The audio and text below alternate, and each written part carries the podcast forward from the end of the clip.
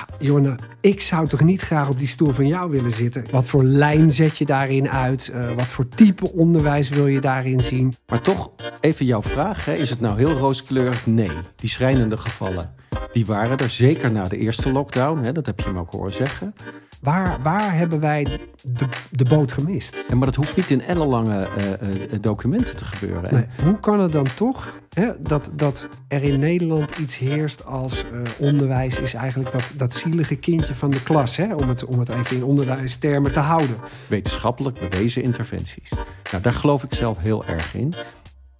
Een hele goede dag en hartelijk welkom bij Put Together Podcast.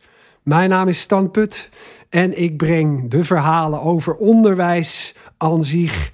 De verhalen die gaan over kinderen, die gaan over leraren en die gaan over bestuurders.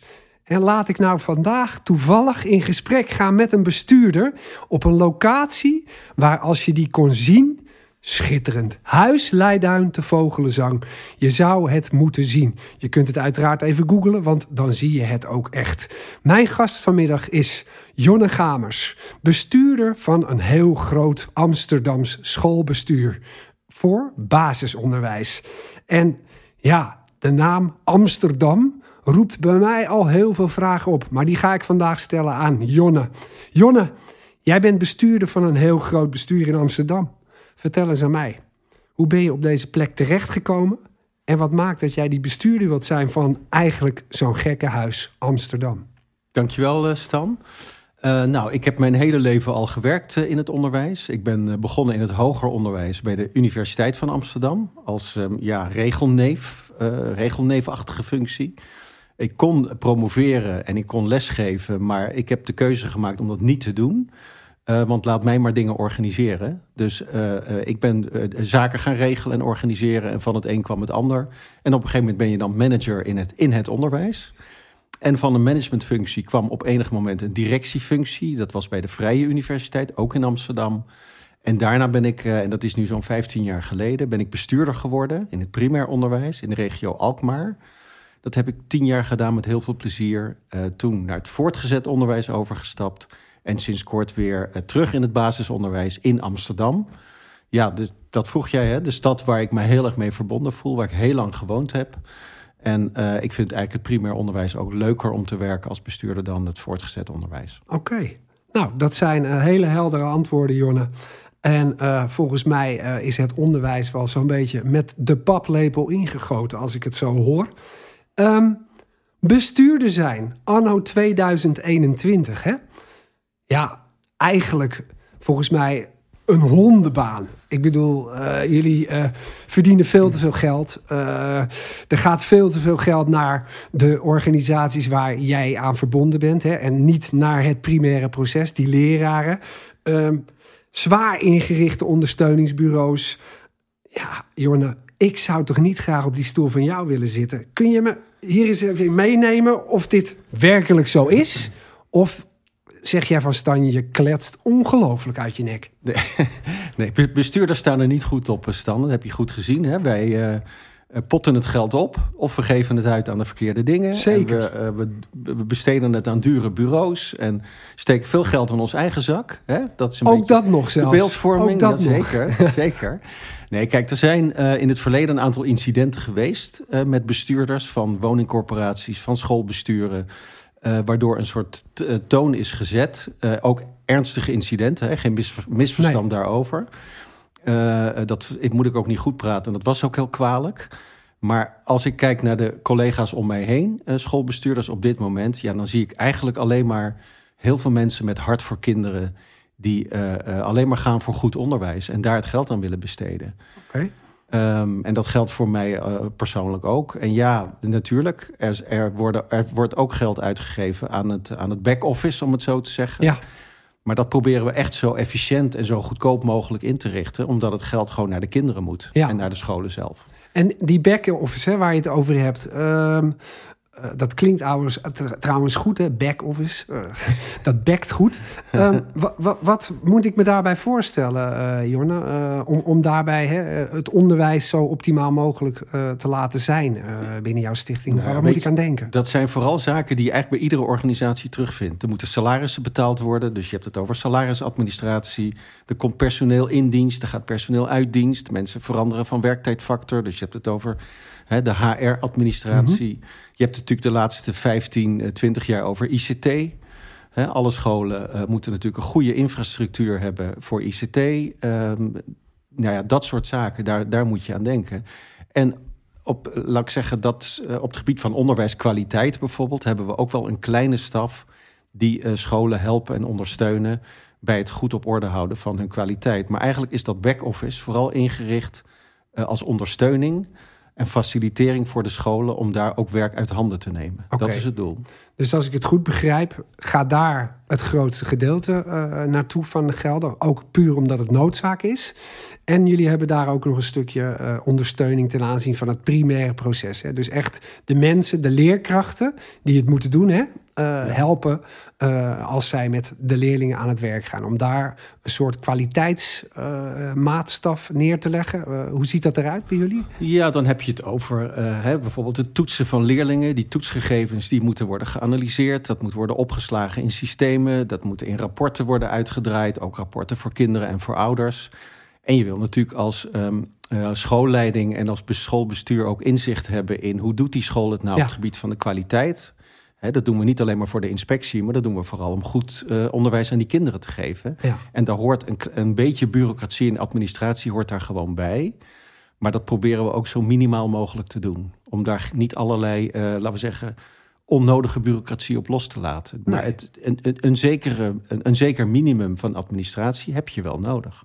Nou, dat klinkt niet verkeerd, Jonne. Um, ik zeg niet dat je me overtuigd hebt, uiteraard, maar het klinkt bij jullie als aannemelijk. Ja, misschien, misschien nog even één uh, aanvulling, Stan. Uh, als je het hebt over dat back-office en hoe groot is nou mm -hmm. uh, de overhead, om het zo te zeggen, om een beeld te geven. Mijn organisatie Amos, daar werken 750 mensen. Mm -hmm. Daar werken er van 19 in het back-office. Okay. Dus dan heb je het over nou, 2 procent van het totale personeelsbestand. Dus 98% werkt gewoon op de, op de scholen. Om even het beeld weg te halen dat het om Helder. tientallen procenten over het gaat. Mooi dat, mooi dat je deze toevoegt. En uh, ik hoop ook dat de luisteraars dat uh, goed van jou kunnen horen. Um, brengt mij meteen ook wel naar uh, de vraag hè, van, je zegt net... 700 mensen hè, die, die er werken. hoeveel scholen hangen er aan jouw bestuur, Jonne? En um, hoe, hoe ga jij om met uh, het, het soort scholen wat daar is. Uh, uh, wat voor lijn zet je daarin uit? wat voor type onderwijs wil je daarin zien? wie inspireert je daarin? Hoe, hoe, hoe, laat je het los? Waar leid je? neem eens mee. Ja, dat zijn een heleboel vragen ja, die in één ja, keer stelt. Ja, het komt allemaal in me opgepopt. Je mag per, per vraag afgaan hoor. Oké, okay, om even een beeld te geven. Amos kent 28 scholen okay. op 30 locaties in Amsterdam. Eigenlijk door de hele stad heen. Maar vooral geconcentreerd in, de, uh, in Nieuw-West, in Noord en voor een deel in Oost. En uh, met name ook in de achterstandswijken van Amsterdam. Daar zit, zit, eigenlijk de meeste eh, scholen van Amos. In het centrum en in Zuid hebben we eigenlijk geen, uh, geen scholen. Dat betekent dat je daarmee ook een bepaalde ja, populatie leerlingen in huis hebt. Zogenaamde achterstandsleerlingen ja. zijn het vaak. Ja. Uh, en dat, bete ja, dat betekent natuurlijk wel wat uh, voor ons als scholenorganisatie. Jouw andere vraag raakt uh, het punt van hoe ga je daar nou als bestuur mee om? waar stuur je, waar laat je ja. los? ik geloof heel erg in het decentrale model. Dat wil zeggen dat je scholen heel veel autonomie geeft en vrijheid om hun eigen ding te doen. Omdat de scholen toch wel van elkaar verschillen. Hè? Afhankelijk van de, de grootte van de school, we hebben hele grote scholen, we hebben hele kleine scholen. Afhankelijk van de wijk waar die staat. En wat is een grote school voor, voor een basisonderwijsschool? Uh, vijf, zeshonderd leerlingen okay. heb je het dan over. We hebben ook een twee scholen van rond de 60 leerlingen. Ja, Factor dat, 10 kleiner. Dat, verschilt aanzienlijk. Dat ja. is echt een ja. groot verschil. En um, uh, en, en, nogmaals, ik geloof dus niet in uh, centrale aansturing. Uh, want dat, dat is mijn ervaring van de afgelopen 15 jaar als bestuurder. Dat werkt niet goed vooral uh, loslaten en vertrouwen geven aan de scholen, maar wel duidelijke kaders meegeven. Waarbinnen je wel vindt hè, dat een school moet opereren. Bijvoorbeeld kaders op het gebied van onderwijskwaliteit. Oké. Ehm, je triggerde mij net al met uh, jouw verhaal uh, over. Uh, je hebt veel scholen in Noord ook zitten. En ja. ja. daarin zei je ook al met, met enige nuance. Hè, dat noemen we dan de, de achterstandsscholen, achterstandswijken. Um, ik, ik, wil je even meenemen naar de afgelopen anderhalf jaar. Daar ben jij uiteraard ook deel van geweest. We hebben een coronacrisis achter de rug. Eigenlijk zijn we nog net een beetje aan het opklimmen. Dat heeft ook veel gedaan met het onderwijs. We zijn flink ja, in, in het zonnetje positief-negatief gezet. Thuisonderwijs is, is het motto geweest. Uh, kinderen werden van de een op de andere dag uh, gezegd: uh, jullie mogen niet meer naar school komen. er wordt online les gegeven. daar, daar is veel gebeurd. en daar is ook veel over geschreven in kranten nadien, na de eerste lockdown en ook na de tweede thuisonderwijsperiode, om het zo maar te zeggen. En daar is vooral gesproken over jou uh, wijken, om het zo maar te zeggen, waar kinderen toch enorme achterstanden hebben opgelopen. Ik, ik vind het eigenlijk een heel vies woord, achterstanden, moet ik je, moet ik je bekennen. Omdat, ja, voor mij begin je niet met een achterstand, maar begin je eigenlijk ergens, waar is een kind en waar gaat hij mee aan de gang? Maar negativiteit alom. Wat heeft dat met jou als bestuurder gedaan? Wat heeft het met jou scholen gedaan, uh, die negatieve aandacht? Uh, wat heeft het met je leerkrachten gedaan? Mm Wil je daar iets over zeggen? Jazeker. Wel even goed om in het achterhoofd te houden dat ik halverwege de coronacrisis ben uh, overgestapt mm -hmm. van mijn schoolbestuur in Utrecht, voortgezet onderwijs, naar Amsterdam. Dus ik kwam eigenlijk midden in de tweede lockdown kwam ja. binnen bij Amos. Maar ik weet natuurlijk van de, van de voorgeschiedenis. En ik heb als bestuurder in Utrecht natuurlijk ja, ook... Uh, zelfde, zelfde problematiek waarschijnlijk. Ja, het is eigenlijk die negativiteit. Het is, het is wel frappant. Het, zeg maar, het, het eerste wat ik zou willen noemen... is dat de gemeente Amsterdam onderzoek heeft gedaan... stadsbreed, naar de leervertraging. Ja. Um, met eigenlijk wel als verrassende uitkomst... dat het uh, met die leervertraging eigenlijk wel meevalt. Over de hele linie. Dat wil niet zeggen dat er per school grote verschillen kunnen zijn... en soms binnen scholen ook grote verschillen tussen leerlingen. Maar over het geheel genomen zijn de uh, vertragingen die vooral in die eerste lockdown zijn ontstaan. Hè, die kwam ons allemaal rauw op het dak vallen. En daar hebben we moeten improviseren uh, met het online onderwijs, wat er natuurlijk niet meteen was. Mm -hmm. uh, daar zijn onderwijsachterstanden ontstaan. Die zijn eigenlijk al rond de, de zomer, en dan heb ik het dus niet over de afgelopen zomer, maar het jaar daarvoor, is al heel veel reparatiewerk verricht. En in het schooljaar daarna is ook al veel uh, aan in, inhaalwerk gedaan. En bij de tweede lockdown waren we er eigenlijk heel goed op voorbereid. Okay. En om nou. daarbij ook om even ter aanvulling, om ook het beeld even wat scherper te krijgen. Um, bij die tweede lockdown is gezegd van hij geldt eigenlijk niet voor groep 8, want die gaat af op de eindtoets, dus mm -hmm. die laten we op school. Op enig moment, op, op initiatief onder andere van Amos, is met de wethouder afgesproken. Het geldt eigenlijk ook niet voor groep 3, want die kinderen moet je eigenlijk op school. Dat is zo'n cruciale leeftijd waarin ze leren lezen en rekenen. Uh, um, uh, dus die moet, je op, die moet je ook op school hebben. En we moeten eigenlijk ook in die tweede lockdown hebben we afgesproken... de kinderen met een risicovolle situatie thuis ook op school hebben. Het resultaat daarvan was dat op veel scholen van Amos... de helft van de leerlingen gewoon op school zaten. Dus in de lockdown. Dus ja, er was een lockdown... Maar lang niet iedereen zat thuis. Die kinderen die het meeste nodig hadden, zaten gewoon op school in kleine groepen. En hebben er eigenlijk heel goed onderwijs uh, gekregen. Nou, dat klinkt als muziek in mijn oren. En ik wil hier toch een soort. Uh, dat klinkt zo rooskleurig dat ik bijna denk: hoe is het dan mogelijk dat er, dat er zoveel geschreven, geopperd is over schrijnende uh, gevallen van kinderen die niet gevonden werden uh, bij het thuisonderwijs, uh, die niet opgespoord konden worden omdat ze ja, niemand wist eigenlijk waar ze waren. Een inspectie die paniekvoetbal ging spelen over de leerachterstanden die toch nooit meer in te halen waren. Hè? Ik, ik ja. bedoel, er werd geroepen dat het allemaal uh, verschrikkelijk was. Vervolgens wordt er, wordt er een heel gebeuren opgetuigd rondom NPO-gelden. het Nationaal Programma Onderwijs. een soort onderwijs nou, ik zou bijna zeggen, regime wat zegt... ja, scholen, jullie hebben het zo slecht gedaan... maar jullie worden wel beloond, want we krijgen 7 miljard... om al die achterstanden in te gaan halen. Hoor ik jou nu zeggen, Jonne, dat ze eigenlijk niet nodig zijn, die gelden? Nou, dat hoor je me niet zeggen, want er waren ook natuurlijk voor corona was er genoeg aan de hand. En als je het hebt over leerachterstanden, die waren natuurlijk ook al voor corona, zeker in een stad als Amsterdam. Uh, alleen de vraag is eigenlijk bij die NPO-middelen bijvoorbeeld: van zijn die leerachterstanden nou veel en veel groter geworden in de coronatijd? En eigenlijk is de verrassende conclusie, zonder nou al te rooskleurig te willen klinken, maar door juist te focussen op de, um, op de kernvakken in coronatijd. Dus we gaan even geen papieren vliegtuigjes vouwen en niet met olifantjes spelen, maar we doen gewoon taal, lezen en rekenen. Punt. Um, heb je eigenlijk in veel minder tijd veel meer leerwinst gehaald dan daarvoor. En dat vind ik ook een hele mooie, um, een hele mooie les van corona. Misschien moeten we wel weer meer terug naar de kerntaak van het onderwijs. Namelijk goed leren lezen, kinderen goed leren lezen, rekenen en, en uh, um, tekst schrijven. En is er te veel omheen bedacht de afgelopen jaren, misschien wel decennia, en ook op het bordje van het onderwijs gelegd.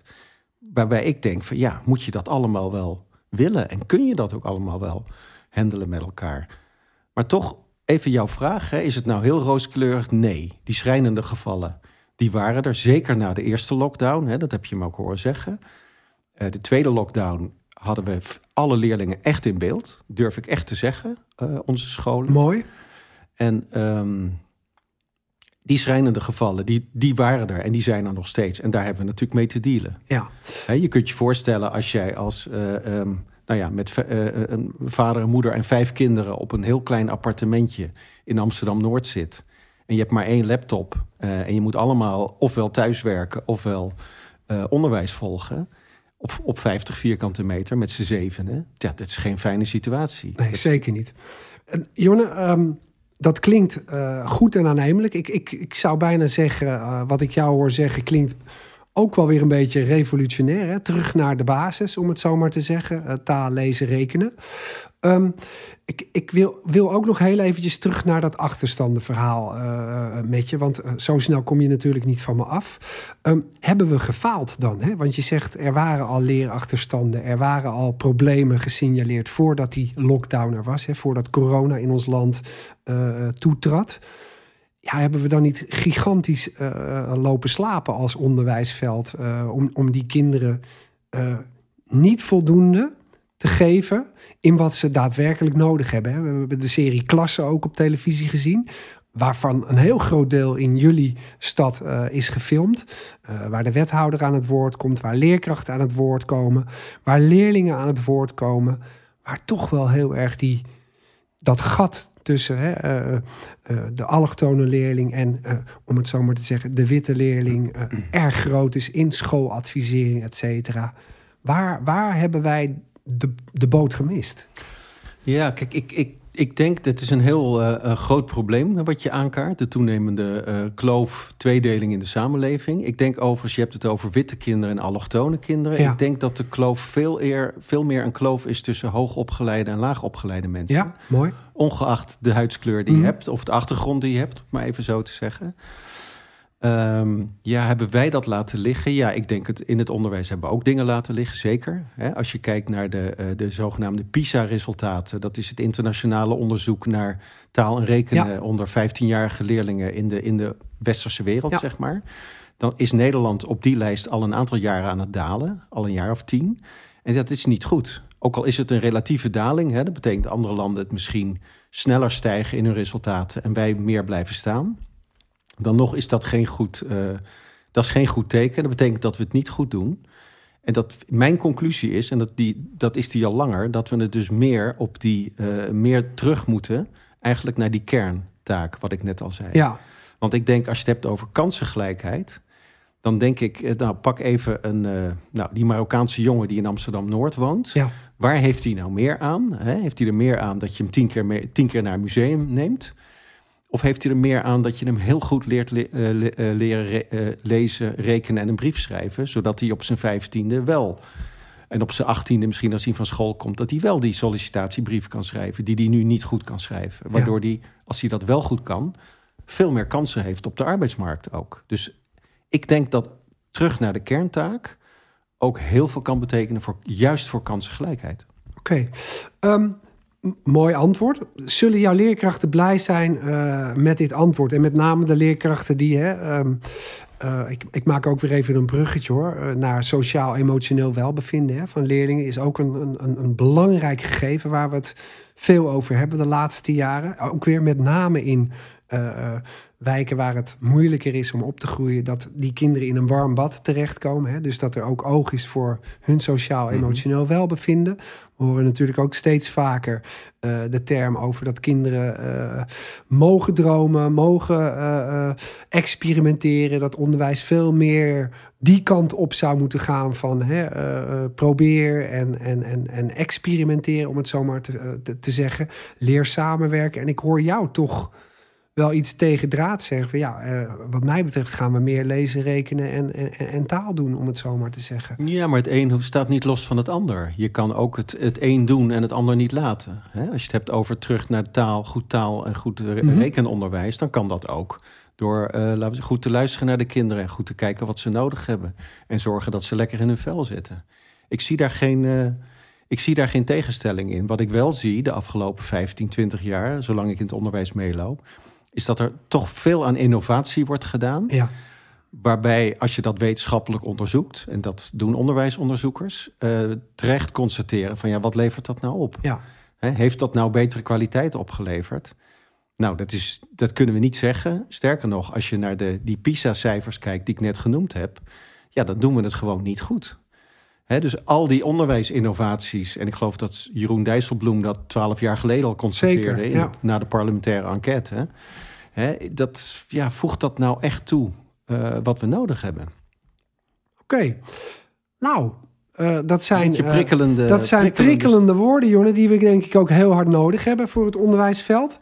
Eh, kom ik ook een beetje bij jou, jouw mensen, hè? eh, eh, jouw, jouw leerkrachten. Ehm, de autonomie van de leerkracht, hè? eh, die staat al langere tijd ook ter discussie. Ehm, er wordt geroepen, er wordt ze van alles opgelegd eh, vanuit de overheid. Eh, nu net wat ik je al zei, de NPO-gelden. Eigenlijk iets wat neergelegd wordt, maar wel volgens onze regeltjes. Ja, hoe prikkel je daar een leerkracht mee? En, en, en hoe gaan ze daar binnen jouw stichting mee om op, op een, een dusdanige manier dat je zegt van... ja, wij kunnen er eigenlijk wel wat mee, omdat we wel met die autonomie aan de slag gaan. Ja, nou ja, ik geloof heel erg in die autonomie van scholen, maar ook van leerkrachten. En wij proberen eh, vanuit het bestuur in ieder geval van Amos zo min mogelijk bureaucratie over de scholen uit te strooien.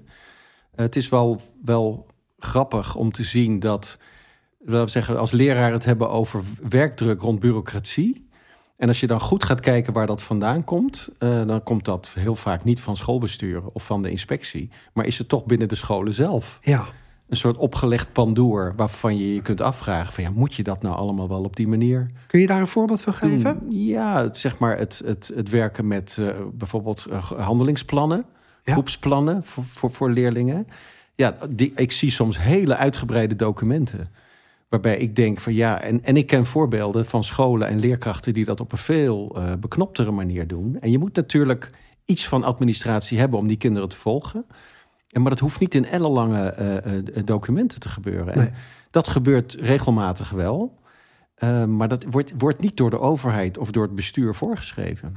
Dus, dus jij zegt, ik zie voorbeelden van eh, grote, lange handelingsplannen, groepsplannen, noem het iets, hè, waar, waar kinderen in gevolgd worden. En je ziet voorbeelden waar, waar dat eigenlijk veel efficiënter eh, wordt gedaan. Ja. Hoe, hoe ga je daar binnen jouw stichting mee om? Is dat dan voor jou een, een, een, een, een, een, een lichtpunt van, hé, hey, daar moet iets gebeuren ten aanzien van die het efficiënt doen, die moeten...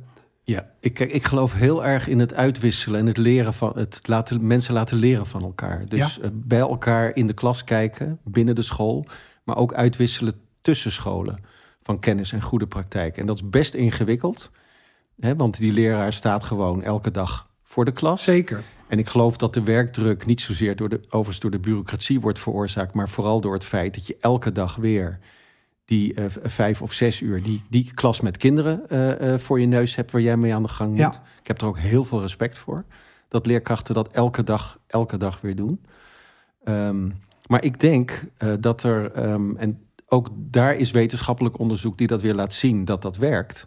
Als je mensen met elkaar in contact brengt en laat kijken bij elkaar en ook echt feedback geven op elkaar. Hè? Dus echt vertellen van wat zie ik, Mhm. wat gaat goed, maar wat zou beter kunnen. Dat dat wel heel erg helpend kan zijn. Ja, En ik zie over werkdruk, dat is ook al eh, meerdere malen uitgezocht, dat op het moment dat er sprake is op een school van een goed team, dat samenwerkt, dat eh, elkaar helpt en dat er voor elkaar is ter ondersteuning met een goede schoolleiding erop, dat dat ook heel erg kan bijdragen aan eh, minder werkdruk. Mooi, mooi. Ook dat klinkt weer heel eh, mooi en stimulerend. eh, waarbij ik zou zeggen, mensen, als je luistert, eh, je hoort dat onderwijs biedt echt wel perspectief. Ehm, en toch ga ik weer even die advocaat zijn van die duivel. Ehm, want ja, Jonne, ehm, jij spreekt met veel respect over jouw mensen binnen jouw bestuur. Daarvoor heel veel respect ook vanuit mijn zijde. Hoe kan het dan toch hè, dat, dat er in Nederland iets heerst als eh, onderwijs is eigenlijk dat, dat zielige kindje van de klas, hè, om, het, om het even in onderwijstermen te houden. Salarissen zijn slecht, de werkdruk is hoog, eh, er werken ook veel vrouwen, eh, dus, dus schijnt het niet aantrekkelijk te zijn voor mannen. Nou, dat is toch helemaal niks mis mee. Ja, dat, veel vrouwen. daar, kan- daar, kan- daar valt over te twisten. Eigenlijk staat veel ter discussie. Dat wil ik er eigenlijk mee zeggen. Hè, het, het, het wordt vaak toch niet als serieus genomen. En ja, als ik op een, op een feestje kom, dan gaat het al vaak over die, die, die 12 weken vakantie eh, per jaar. Ehm, maar ten aanzien van dat werkdrukverhaal enzovoorts, eh, die salarissen, hoe, hoe zit dat bij jullie? En, en hoe kijk jij daarna? Of wat kunnen we eraan doen om dat imago eens wat Ja. op te krikken? Nee, maar dat is echt een hele, heel raak punt wat je, wat je maakt hier. Dat is eigenlijk, vind, vind ik ook wel de kern van wat er, wat er aan de hand is. Hè. Dus toch die beeldvorming rondom Ja. het onderwijs. Ik ben een aantal jaar geleden in Finland geweest. En ik weet in Finland ehm, zijn de aanmeldingen voor de lerarenopleiding... die zijn ieder jaar eh, tien keer overtekend. Dus daar zijn de, de jeugd wil massaal leraar worden... en is heel erg teleurgesteld op het moment dat je wordt uitgeloot... wat de meeste worden. En degene die eh, toegelaten worden tot de leraaropleiding... nou, daar gaat de vlag uit. Ja, Met andere woorden, het is een, omgekeerde wereld. het is een feest Ja, om ja. in Finland eh, leraar te worden. Daar ben je trots op. Dat vertel je op een feestje. En dan kijkt iedereen heel Ja. vol trots naar je. Van nou, dat is een leraar. Verdient niet heel veel meer dan eh, bij ons. En hoe dat dan komt, ja, ik vind het een mysterie. Ik werk mijn hele leven al in het onderwijs. Maar er is kennelijk in de afgelopen decennia iets aan de hand. Of jaren misschien wel, weet ik niet. Eh, rond dat imago. En als ik het antwoord heb hoe, dat, hoe je dat zou kunnen verbeteren, eh, nou ja, dan zou ik het meteen geven. Kijk, ik denk het begint sowieso bij het uitstralen van beroepstrots. Ja, En dat moeten de bestuurders niet doen, want dan eh, dat. Ja, de bestuurders moeten zich vooral een beetje koest houden, denk ik. er zit hier tegenover mij volgens mij wel een trotse bestuurder. Ja, dat ben ik ook wel. Ja, en ik ben ook heel positief. Ja. En sommige mensen noemen mij veel te optimistisch en positief. Nou, dat Nou kunnen we wel gebruiken, ja. Hè, dat, dat, dat mag je vinden. Ik, dat, ik geloof ook echt eh, erin dat het, dat het beter moet, maar ook dat het beter kan. Ja. Ik denk dat het begint met die leraar zelf. Die vol trots uitstraalt eh, eh, hoe, goed, hoe mooi het is om les te geven. En hoe trots je daarop kunt zijn. En misschien gebeurt dat wel iets te weinig. Nou, ja, als ik even terugfilm naar hè, eh, de, de, de protesten bijvoorbeeld tegen die werkdruk of tegen dat, voor dat hogere salaris. Ja, dan, dan, dan zie ik eigenlijk een, een, een beroepsgroep die, die liedjes aan het zingen is op een veld. eh, kinderliedjes. eh, ze hebben een, een, een mooi soort van stoffen tasje en ze hebben een, een soort kreet op, op papier geschreven voor onze minister. Slop, stop of zoiets. Ja, ik kijk er dan een beetje naar van... Ja, jongens, moeten jullie niet gewoon even eh, veel meer eh, fermheid in, in, in die, die protesten gooien? Of ben ik dan gekke Ja. Gerrit? Nee, dat denk ik, ik denk dat je daar een punt hebt. Hè. Het is ook natuurlijk een beetje wat je zelf uitstraalt. Ik denk overigens met de salarissen hebben ze, hebben ze wel een punt. Het, is, het blijft gek dat je in het voortgezet onderwijs... een stuk meer verdient als leraar dan in het basisonderwijs. Dat wordt nu gecompenseerd, hè, alweer voor een groot deel. Er komt weer 2 miljard aan. Dat is heel fijn Ja. en volkomen terecht. Want de suggestie dat het in het hè, basisonderwijs allemaal wat makkelijker is... die zou ik echt ver van me willen werpen. Ja. Sterker nog, in het basisonderwijs heb je de hele range van kinderen voor je neus. Hè, van, van eh, eh, eh, laten we zeggen, heel erg goed in de cognitieve vakken... tot eh, ja, eh, minder goed en zwak. Ja. Zit allemaal in dezelfde klas. En in het voortgezet onderwijs hebben we dat al uitgesplitst op 12-jarige leeftijd. Kun je ook van alles van vinden. Is ook niet goed. Hè, maar dat maakt het werk als basisschoolleraar bepaald niet makkelijker. Nee. Dus volkomen terecht dat dat wordt gerepareerd. En ik denk dat dat ook wel wat zal uh, bijdragen aan het, uh, het verhogen van het imago. Kijk, wat ook ingewikkeld is, is dat je natuurlijk in de, als leraar verdien je hetzelfde of je nou werkt in Groningen, in Drenthe of in Amsterdam. Hè, maar in Amsterdam kan je voor het salaris van een basisschoolleraar kan je geen huis meer kopen. Nee, maar ook daar zijn nu weer verschillen in aangebracht. Hè? Daar hoor je ook de verhalen over dat er binnen, binnen het Amsterdamse, binnen, binnen de grote steden, hè, waar dus die, die moeilijkere leerlingen uh, zich blijkbaar begeven. Um, daar worden de salarissen omhoog uh, gewerkt door vanuit de overheid. Daar krijgen de leerkrachten meer salaris. Ja. Daar krijg je dus ook weer veel scheve gezichten je krijgt vanuit scheefgroei. Ja, je krijgt scheefgroei. En de criteria op basis waarvan dat gebeurt... zijn ook altijd discutabel met hele rare effecten soms. Ja. Ongewilde effecten. Dat is de ene school op het plein... Uh, laten we zeggen, daar krijgen de leraren um, um, die bonus wel. En op, aan de andere kant van het ja. plein, door toevallige Gemeente bijvoorbeeld. Ja. ja, of dat er een postcodegrens ja, loopt ja. of wat dan ook, krijgen de leraren hem niet, terwijl ze eigenlijk dezelfde populatie hebben. Ja, dat, dat soort rare effecten zie je, zie je ook. Ik, ik denk wel in, in grote lijnen dat het goed is dat op het moment dat je veel met achterstandsleerlingen werkt, dat dat jouw werk als basisschooldocent zwaarder maakt. En dat er ook een hogere beloning tegenover mag staan. Ja. Probleem nu is wel, met dit soort bonussen, dat het allemaal incidenteel is en tijdelijk. Ja. En, en Jonne, is, is salaris, hè? Uh, als je kijkt naar het bedrijfsleven, is, is dat niet veel meer ook een ding uh, waar, waar je het hebt over autonomie van de leerkracht, dat daar ook een stuk autonomie van, autonomie van het schoolbestuur zou moeten liggen. Ik bedoel, nu wordt het allemaal hè, door de overheid opgelegd. Je gaat het eerste jaar naar dat salaris, het tweede jaar naar dat salaris en dan weer een treetje hoger totdat je aan je max zit. Ik kan me voorstellen dat het niet heel erg prikkelt. Welke mogelijkheden heb jij daarin als bestuurder om daar iets met salaris te kunnen of mogen doen? Of, of, nou, die mogelijkheden zijn heel beperkt en daar ben ik ook wel blij om. Ja? Ja, kijk, ik denk dat het uh, ik, in, in, het Nederlandse onderwijsbestel kent al, is al heel erg gedecentraliseerd. Kent heel veel vrijheden voor de schoolbesturen en de scholen. Dat is ook goed. Maar op het moment, en, en het kent ook een aantal regels die we gemeenschappelijk hebben.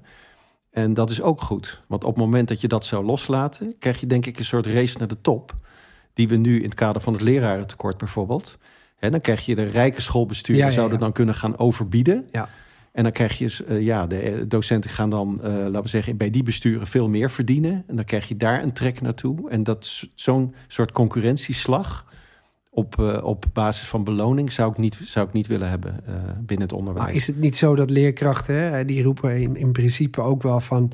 het gaat niet uiteindelijk om het salaris. En ik hoor jou eh, net ook een aantal dingen zeggen over scholen. Hè. Als je goede kwaliteit biedt, als je zaken op orde zijn... dus als er goed personeelsmanagement is... als het onderwijs op goede kwaliteitsniveau is... als een team samenwerkt, is dat niet honderd keer aantrekkelijker... dan een school die jou misschien wel 200 of 300 euro meer per maand biedt. Uh, en, en, waar het een puinhoop is uh, om daar te werken. Dat denk ik ook. En dat, dat proberen wij dan ook binnen AMOS, binnen ons schoolbestuur, proberen wij die omstandigheden te realiseren voor onze uh, medewerkers. Ja.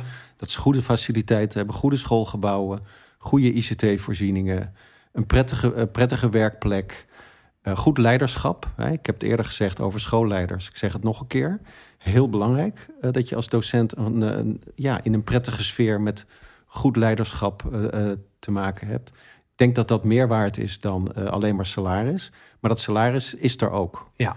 En dat, dat is ook een blijk van waardering die je als samenleving uitspreekt naar je, naar je onderwijspersoneel.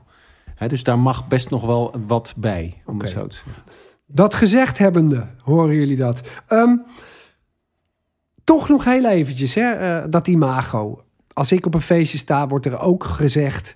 ja, man, twaalf weken per jaar. Die gasten hebben altijd vakantie. Zijn altijd een emmer klagen dat ze het zo druk hebben. Weer vakantie. Ik bedoel, je bent nog niet begonnen of de herfstvakantie is er alweer. Onzin. Wat gaan we daar nou mee doen, jongen? Dit, dit slaat toch nergens Ga jij eens, dat zou ik tegen die mensen willen zeggen... ga jij eens met 28 kinderen voor je neus... elke dag, iedere werkdag... ga die eens zes uur bezighouden. Dan, dan praat ik daarna, na een paar maanden... praat ik nog een keer met je. Ja, maar Die dan- vakantie, dan- dan- Stan, die vakantie is dik verdiend. Die is ook nodig. Die kinderen in Nederland krijgen meer dan genoeg onderwijs. Ik noemde Finland al even. Daar doen ze het met 700 uur per jaar. Bereiken ze topkwaliteit. Wij zitten nog steeds tussen de 900 en de 1000 uur per jaar. Dus als je het hebt over onderwijstijd, zou er nog wel wat af kunnen. Zeker, maar nog dat, meer hoor je, dat, hoor, dat hoor je mij niet zeggen. Maar kunnen, kunnen we die, die, die werkdruk, hè, uh, ontstaat die niet juist door die vakanties? Ik, ik bedoel, we hebben korte periodes. Uh, leerkrachten hebben, hebben, hebben altijd een race tegen de klok, om het zo maar te zeggen. Terwijl als je juist wat van die vakanties af zou knippen, ja, dan hebben ze tijd en ruimte om samen te ontwikkelen. Want ik ben het geheel met je eens over dat Finse model. Daar wordt 200 uur minder lesgegeven en de resultaten zijn hoger. Ja, wat doen we daarmee? Ja, nou, wat, wat jij suggereert zou een optie kunnen zijn. Hè? Dat je het in de vakanties gaat zoeken. Ik zou zeggen, je zou het ook nog binnen de uh, huidige onderwijstijd kunnen zoeken. Hè? Ga eens een uurtje minder uh, per dag of misschien een paar uurtjes minder in de week.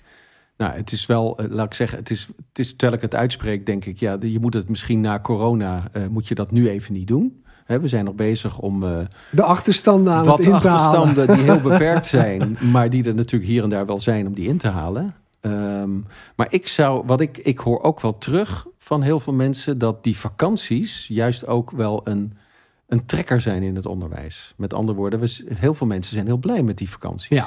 in het onderwijs. Dus ja, gooi dan het kind niet met het badwater weg. En als je al moeite hebt om mensen te vinden, dan is een van de aantrekkelijke aspecten is, ja, wij hebben veel arbeidsvoorwaardelijk. Wij hebben veel vakanties. Ja, oké. Nou, dat is, dat is een, een, een mooi antwoord. En daarmee stel je, denk ik, jouw uh, leerkrachtenteams uh, enigszins gerust. Um, je had het net al over gedegen onderzoek, wetenschappelijk onderzoek. volgens mij ben je daar een groot voorstander van. Hè, over wat wel niet werkt in het onderwijs hoe, hoe beïnvloed je daarin jouw scholen? Of, of, wat doe je daarmee? Uh... Nou, ik, ik ben een aantal jaar geleden alweer lid geweest, eh, een, een tijdje van de programmaraad voor het wetenschappelijk on, uh, onderzoek. Uh, de PRO, zogenaamde PRO, een, een orgaan wat de, de, brug probeert te slaan tussen de onderzoekspraktijk, mm -hmm. onderwijsonderzoek en de onderwijspraktijk. Um, ik ben daar toen wel enigszins gefrustreerd weggegaan, omdat die kloof heel erg groot is. Kennelijk slagen we er niet in in Nederland om de resultaten van onderwijsonderzoek ook goed te vertalen naar de praktijk. Ik moet zeggen, ik ben daar de afgelopen tijd wel wat optimistischer over. Zeker als ik nu kijk naar het NPO, hè, je liet het al vallen, ja. Nationaal Programma Onderwijs. Um, daarvan wordt eigenlijk door de overheid worden niet zo heel veel eisen gesteld aan hoe je dat gaat invullen. Maar wel dat je dat moet doen met bewezen interventies. En er is een soort menukaart samengesteld door de overheid en door de wetenschap.